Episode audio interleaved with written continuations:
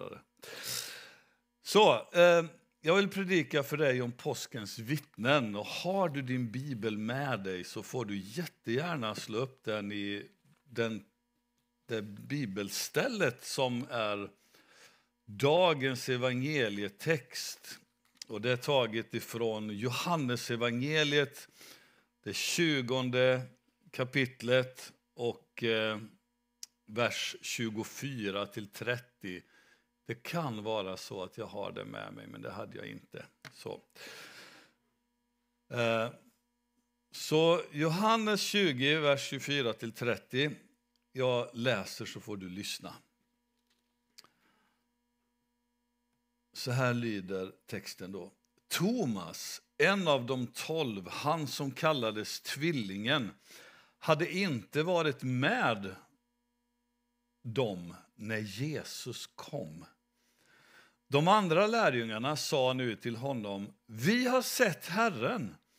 Men han svarade dem, om jag inte får se hålen efter spikarna i hans händer och sticka fingrarna i hålen efter spikarna och inte får sticka min hand i hans sida, så kan jag inte tro. Åtta dagar därefter samlades hans lärjungar igen där inne och Thomas var med bland dem. Då kom Jesus medan dörrarna var låsta och stod mitt ibland dem och sa frid vare med er. Sen sa han till Thomas, räck hit ditt finger och se mina händer och räck hit din hand och stick den i min sida och tvivla inte utan tro. Och Thomas svarade honom, min Herre och min Gud. Och Jesus sa till honom, därför att du har sett mig tror du, saliga är de som tror fastän de inte ser. Och många andra tecken som inte är nedskrivna i denna bok gjorde Jesus i sina lärjungars åsyn. Men dessa har skrivit, eller blivit nedskrivna för att ni ska tro att Jesus är Messias, Guds son och för att ni genom tron ska ha liv i hans namn. Amen. Det är en spännande text vi läser här i Johannes, det 20 kapitlet. Det är mycket som har hänt. Mästaren Jesus, han hade dött. Lärjungarna, några av dem åtminstone, hade fått bevittna det hemska som hade hänt. Hur Jesus blir bortförd, hur han blir plågad, han blir pinad. Han blir verkligen sönderslagen av de romerska soldaterna. Han blir dömd, han blir bespottad, han blir allt möjligt. Och slutligen så blir han uppspikad på ett kors. Och nu hade Jesus dött, Mästaren. Och visserligen sa han att han skulle uppstå. Men hur skulle det vara möjligt? Jesus hade ju varit med och rest upp andra ifrån de döda. De hade, lärjungarna hade varit med om det vid ett flertal tillfällen. Hur, hur någon hade kommit tillbaka från de döda. Men då hade ju Jesus varit liksom centrum, aktören i det hela. Skulle han verkligen uppstå? Vad skulle nu hända? De hade ju korsfäst honom. Och jag undrar just eh, vad som för sig gick i deras huvuden, alltså i lärjungarna. Men så helt plötsligt så har ju detta hänt. Inga-Lilla har nämnt just uppståndelsedagen, påskdagen. Jesus hade uppstått och läser man i de olika evangelierna så kan vi läsa olika händelser när kvinnorna kommer dit på morgonen till exempel och hur Jesus uppenbarar sig för Maria och hur kvinnorna springer tillbaka till lärjungarna och säger och berättar att Jesus har uppstått, hur lärjungarna inte tror hur Petrus och Johannes de springer till graven och Petrus hinner före men stannar upp lite. Och, alltså det är mycket som händer på en gång. Men nu hade Jesus uppstått och han hade faktiskt visat sig för lärjungarna. Bara några få verser tidigare i den här händelsen som är beskriven idag så läser vi följande. Du backar bara några få verser till vers 19 så står det så här. På kvällen samma dag Alltså inte den här dagen då, utan tidigare, en, en vecka tidigare. Den första veckodagen var lärjungarna samlade bakom låsta dörrar av rädsla för judarna. Och då kom Jesus och stod mitt ibland dem och sa frid vare med er.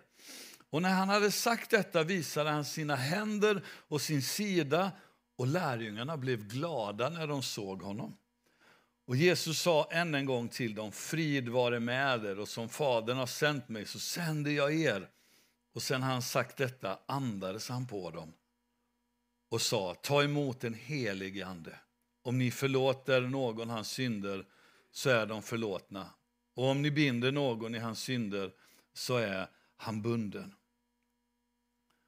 Alltså Jesus hade visat sig för lärjungarna och så helt plötsligt, poff, så är han borta igen. Det är ganska märkligt, eller hur?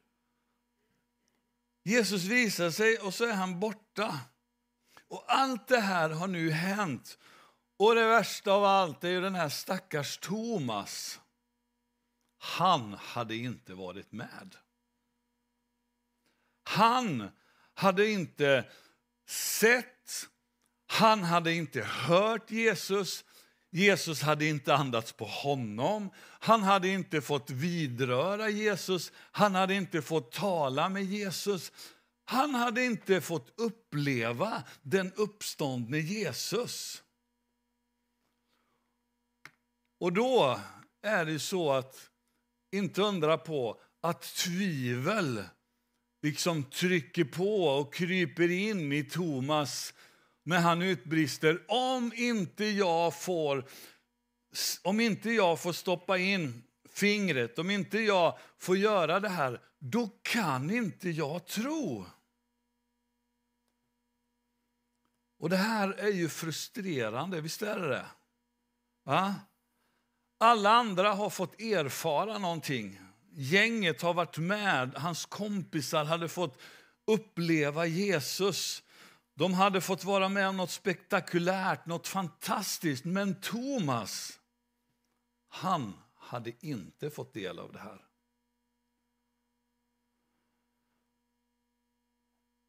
Och snacka om att känna sig utanför, skulle jag säga. När jag satt och begrundade över den här texten så tänkte jag, stackars Thomas. Alla har fått, men inte han. Och liksom exkluderad på något sätt. Är du med? Jag tänker. Nästan som att, ja men varför den och den, men inte jag? Och han säger just det här, om inte jag får se hålen efter spikarna i hans händer och sticka fingret i hålen efter spikarna, om jag inte får sticka min hand i hans sida så kan jag inte tro. Och min fråga till dig, har du känt så någon gång? När andra människor blir så att säga välsignade.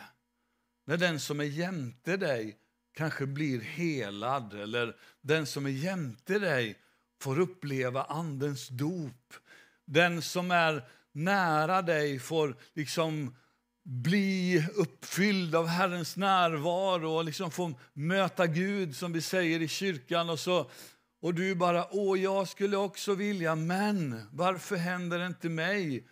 Jag kan inte tro om inte jag får uppleva, om inte jag får se, om inte jag får vara med, om inte jag får liksom får, får, får verkligen känna allt det här som de andra upplever. Har du känt så någon gång? Ha? Det är några som nickar i alla fall. Jag har känt så. Jag har berättat för er mer än en gång när jag liksom så ivrigt sökte att, eh, att bli andedöpt, att få bli uppfylld av den helige Ande. Och min kompis Håkan och jag vi gick framgång efter annan i Pingstkyrkan nere i Sävsjö. Och nästan krampaktigt skulle få, nu måste Gud välsigna mig. Och så händer ingenting. Och nästan som besvikelsen gnager på insidan. Det är frustrerande. Eller ibland om någon bara berättar om någonting de varit med om. Oh, jag har fått bönesvar. Gud svarade på min bön. Det här har hänt. Kanske någon välsignelse i ens liv eller att man har blivit helad eller någonting har hänt och så berättar man det här och så står du där, ja men vad vad har hänt i mitt liv då? Och jag tror vi kan känna igen oss lite till vars i det där. Jag kan berätta att du är inte ensam om att stå och tvivla. Ni har redan sett på väggen här att det finns flera exempel i Bibeln på människor som också tvivlade. Tvivlade på Gud och på vad Gud skulle kunna göra och att Gud skulle kunna göra något i dem och genom dem. Jag bara citerar de här grejerna som står här nu. En av dem var Mose, som är en av de största profeterna. Ja? Han som fick leda folket ut ur slaveriet, föra in dem i, i, i, i frihet. Han som fick uppleva så många mirakler och under. Han var med och delade Röda havet och han fick se hur Gud mättade folket med kött och mängder med grejer som hände. Han fick prata med Gud ansikte mot ansikte. Men när Gud kallar honom Trots att han får se en buske som brinner och han förstår inte riktigt varför den inte brinner upp. Och Han går dit för att se och så hör han Guds röst och säger, som säger till honom Mose, ta av dig sandalerna för platsen du är på den är helig plats. Och så kallar Gud honom till sig och ger honom ett uppdrag. Och då säger Mose så här, men Herre, vem är jag som skulle gå till farao? Vem är jag för att jag skulle föra Israels folk ut ur Egypten? Kapitel 3, vers 11. Och han fortsätter, men om de inte tror på mig då? Kapitel 4, vers 1 i Andra Moseboken. Men Herre, jag är ingen talför man. Jag har inte varit det tidigare och inte nu heller. Kapitel 4, vers 10. Och Gud svarar honom, äh, men Mose, vem är det som har skapat munnen? Det står så. Vem är det som har skapat munnen? Vem är det som har liksom sett till att någon kan höra eller inte? Vem är det? Jo, men, men eh, eh Herre, jag ber dig, säger Mose, sänd någon annan. Och då står det faktiskt att Gud blev vred på honom. Ja, men nu får du lägga av, Mose. Är du med? Gud talar och vad är det hans hjärta är fullt av? Tvivel. Nej, men det, nej, kan det vara Gud? Skulle det hända? Det funkar. Nej, det går inte. Gud, jag kan inte. Sänd någon annan. Och samma sak händer med en annan kille som också blev en mäktig ledare, Gideon. Man lä, vi läser om honom i, i, i, i Domarboken, det sjätte kapitlet, om hur det är, det är svår tider, fienden stjäl allt som går att stjäla och Gideon han försöker att klappa undan lite vete och gömma det för fienden. Och så kommer Gud till honom, Herrens ängel kommer och säger O du tappre stridsman. Du bara uppmuntra honom och så svarar Gideon, nej jag är minst i min släkt, nej det går inte. Och, och sen så fortsätter Gud att tala och så svarar Gideon, men Gud var är alla dina under som vi har hört talas om? Jag har inte sett något. Och i princip så säger han, det är ju bara elände runt omkring mig. Fienden bara skäl och det bara liksom dåligt blir sämre. Var är alla dina under? Och Gideon ifrågasätter. Varför då? Jo, därför att det finns tvivel i honom. Och Gud fortsätter att tala till honom. Det är då han börjar orda och säga, nej men inte kan, inte kan du använda mig, jag är liksom minst, jag är sämst. Min släkt är den ringaste, det går inte. Men Gud fortsätter i alla fall att tala i honom och han får bli en mäktig ledare. En annan fantastisk profet, Jeremia, när Gud kallar honom. Jeremia är ung och Gud liksom säger så här till honom i det första kapitlet i Jeremia bok och, och vers 4 till 6 så kan vi läsa följande. Herrens ord kom till mig och han sa, innan jag formade dig i moderlivet utvalde jag dig och innan du kom fram ur moderskötet så helgade jag dig. Jag satte dig till en profet för folken. Otroliga ord. Jag har valt dig, jag har en plan med ditt liv. Har du hört det någon gång, någon säga, kanske en predikant eller du har läst det själv i Bibeln bara säga att Gud har en plan med mig. Har du hört någon säga över ditt liv att Gud har en plan för dig? Har ett syfte för dig? Har du hört det någon gång? Ja. Och Jeremia han svarar Gud när Gud kommer så där och så säger Jeremia O Herre, jag förstår inte att tala för jag är för ung. Som på en gång så avfärdar han det här. Och vad är det som händer? Jo, han tvivlar. Så du är i gott sällskap om du tvivlar någon gång. Precis som Thomas tvivlade. Och jag vill säga till dig, min vän som är här, att tvivel, det är inte samma sak som otro. Är du med? Tro, otro. Tvivel är inte otro, utan tvivel det är kampen med tron. Är du med? Att tvivla är att kämpa med tron. Du tror.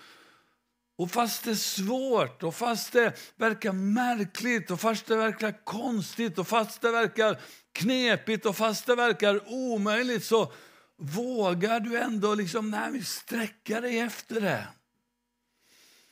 Det finns ett, ett eh, eh, i Nya testamentet ett brev, Jakobs brev, det första kapitlet där, där Jakob beskriver följande. Han säger så här att den som är utan vishet må utbe, utbe sig vishet ifrån Gud. Men den, men den ska be utan att tvivla, står det. För att den som tvivlar är som havets vågor som kastas hit och dit av vinden. Och det här ordet tvivla som används där som ett exempel är ett, ett, ett ord som, som heter diakrino på grekiska. Och, och det betyder egentligen tveksamhet. Vet, du är på väg, men så... Liksom, mm, är du med? Det kan också översättas med att backa. Och varför backar man? Och därför att du tvivlar. Mose backade, försökte backa. Gideon försökte backa. Jeremia försökte backa. Men jag vill att du ska förstå att tvivel är en del av tron. Det är inte motsats. Det är precis som när det finns ett ord på svenska som, Eh, som heter att vara modig. Vad är att vara modig för någonting? Det är inte att vara orädd. Är ni med? Du kan stå på tian där och ska hoppa ner i bassängen eller vad det är och benen skakar och du tänker jag kommer slå ihjäl mig, det här går inte. Och så hoppar du trots att du är livrädd. Det kan vara dumt kanske, men det kan kallas för mod. Är du med? Eller du vågar inte gå in i ett mörkt rum för du är mörkrädd, men du går in ändå. Då är du modig fast du är jätterädd.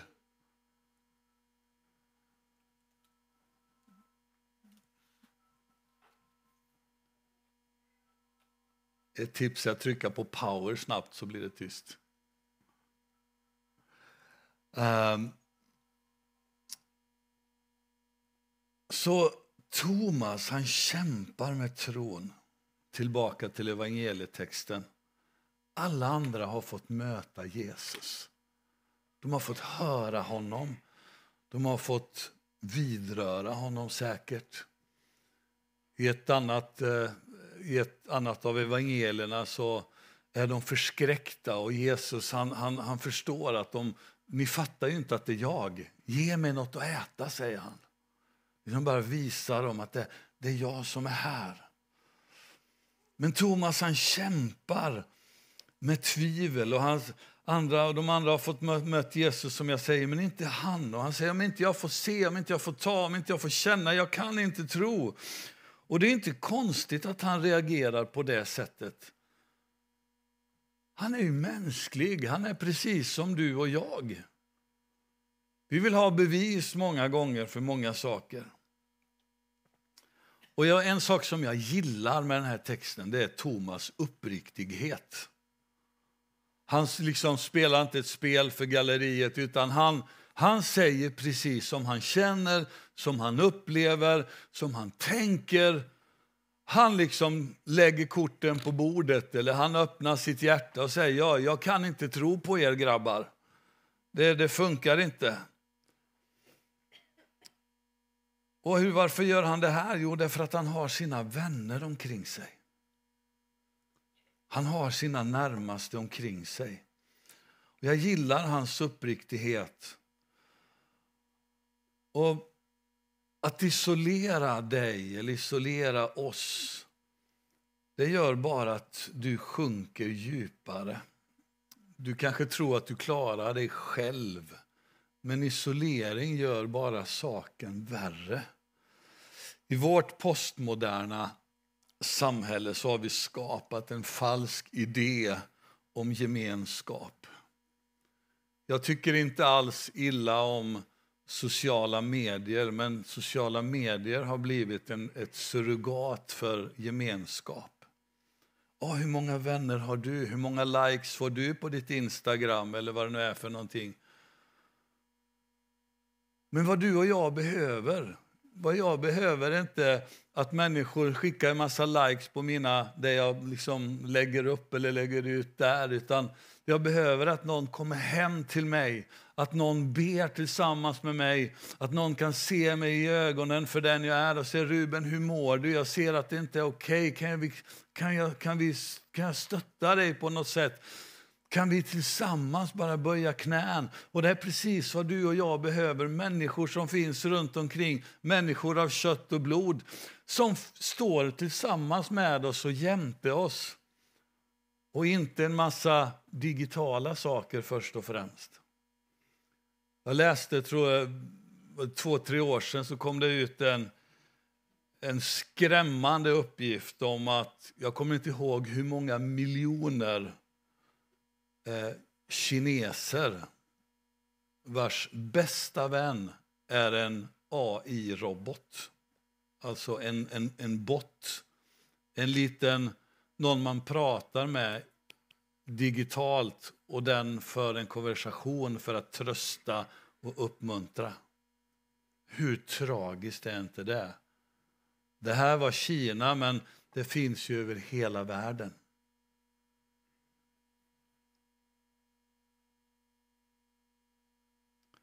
Och det är här Jesus kommer in. Del två i min predikan. Att få bli uppmuntrad av Jesus. Åtta dagar därefter samlades han, hans lärjungar igen där inne. Och Thomas var, var med ibland dem. Då kom Jesus medan dörrarna var låsta och stod mitt ibland dem. Och så säger han, frid vare med er. Sen så sa han till vem då? Han sa till Thomas.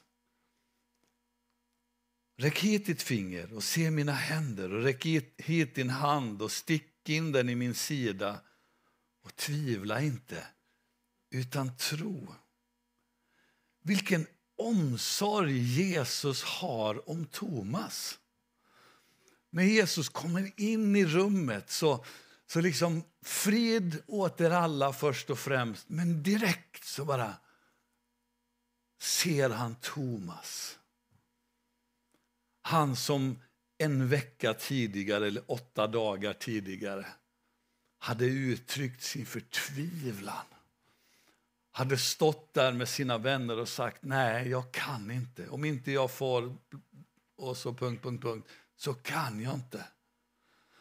Och Jesus som känner Thomas, Jesus som hade mänskligt sett vandrat med Thomas i tre år, men Jesus som också är Herre och Mästare och Gud och allvetande.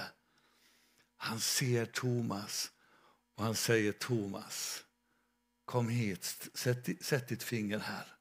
Stoppa in din hand.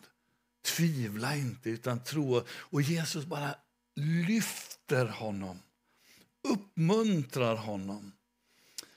Och Jesus ser Thomas behov, hans frustration, hans längtan. Och Jesus kommer honom till mötes i allt detta. Och Det här är så vackert, tycker jag. Det är så vackert hur Jesus kommer honom till mötes. Och vad blir då reaktionen eller gensvaret från Thomas? Jo, tillbedjan. När Jesus möter hans hjärta så blir Thomas gensvar en tillbedjan. Traditionen har kallat Thomas eller för, för Thomas tvivlaren. Han heter inte så i Bibeln. Men traditionen har kallat honom för det. Thomas tvivlaren. Vi tog upp den här texten på bönen. Eller nämnde det i alla fall här i, i onsdags kväll.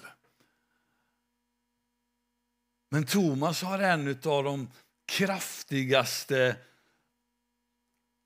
proklamationer och tillbedjan när han får möta Jesus. Han svarar min Herre och min Gud.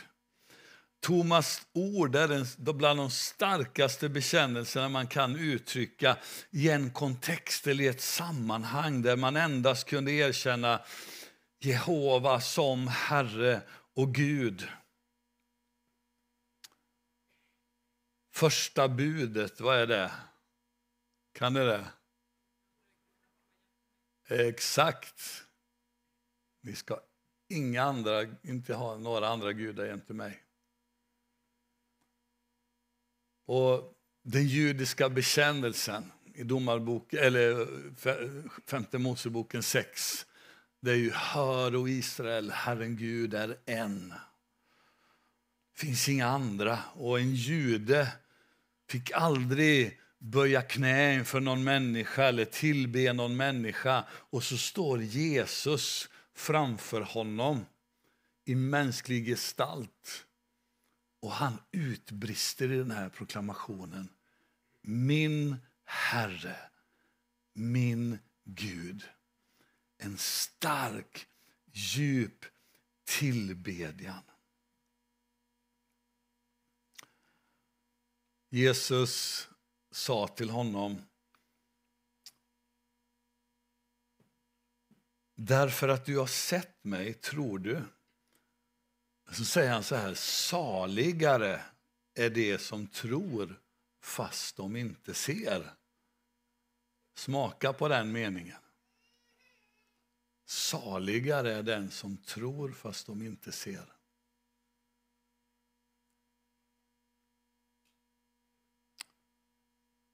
Har du sett och trott? Kanske har du det. Eller så kanske du inte har sett, men ändå trott. Ännu större är det för dig som tror fast du inte ser. Du står kvar. Att du liksom ger ditt hjärta, din bekännelse fast du kanske inte har, har trott. Det här kapitlet slutar med följande ord. Många andra tecken som inte är nedskrivna i denna bok gjorde Jesus i sina lärjungars åsyn. Men dessa har blivit nedskrivna för att ni ska tro att Jesus är Messias, Guds son och för att ni genom tron ska ha liv i hans namn.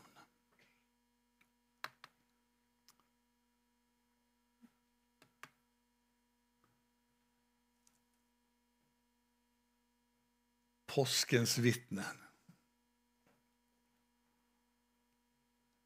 Jag vet inte om du känner igen dig i någonting i Thomas idag. Det som han fick vara med om och det han inte fick vara med om. Jag skulle bara bjuda dig att du böjer ditt huvud en stund i bön inför Herren. Bara stillhet inför honom.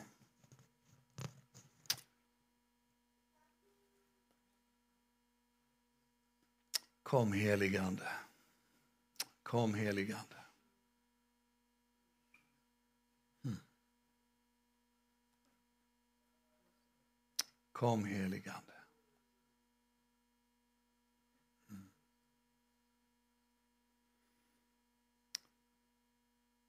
Vi har ingen musik, bakgrunden. Vi, har liksom, vi brukar inte ha det för att skapa stämning, men ibland kan det vara skönt att ha musik. Utan precis där du sitter idag och just nu så skulle jag vilja ställa några frågor till dig och som kanske får utmana dig men också uppmuntra dig. Jag skulle vilja uppmuntra dig att ta den eventuella besvikelsen du har över att inte ha sett det ena eller det andra och lägga dig inför Herren idag.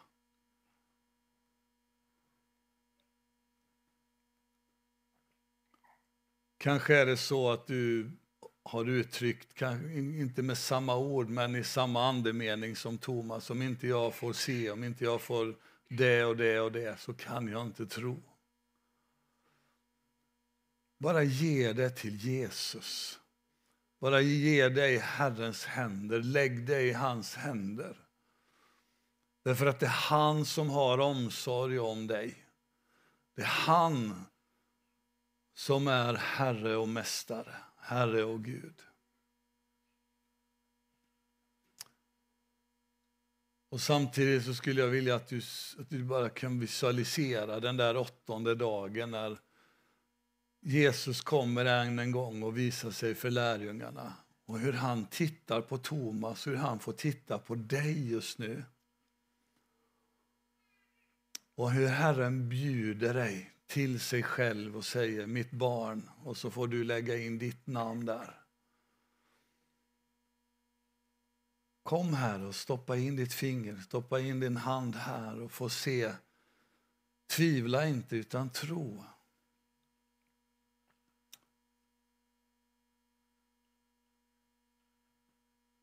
Jag skulle, jag skulle vilja be att du reser dig upp om du, skulle kunna, om du har möjlighet till det så vill jag göra en inbjudan idag.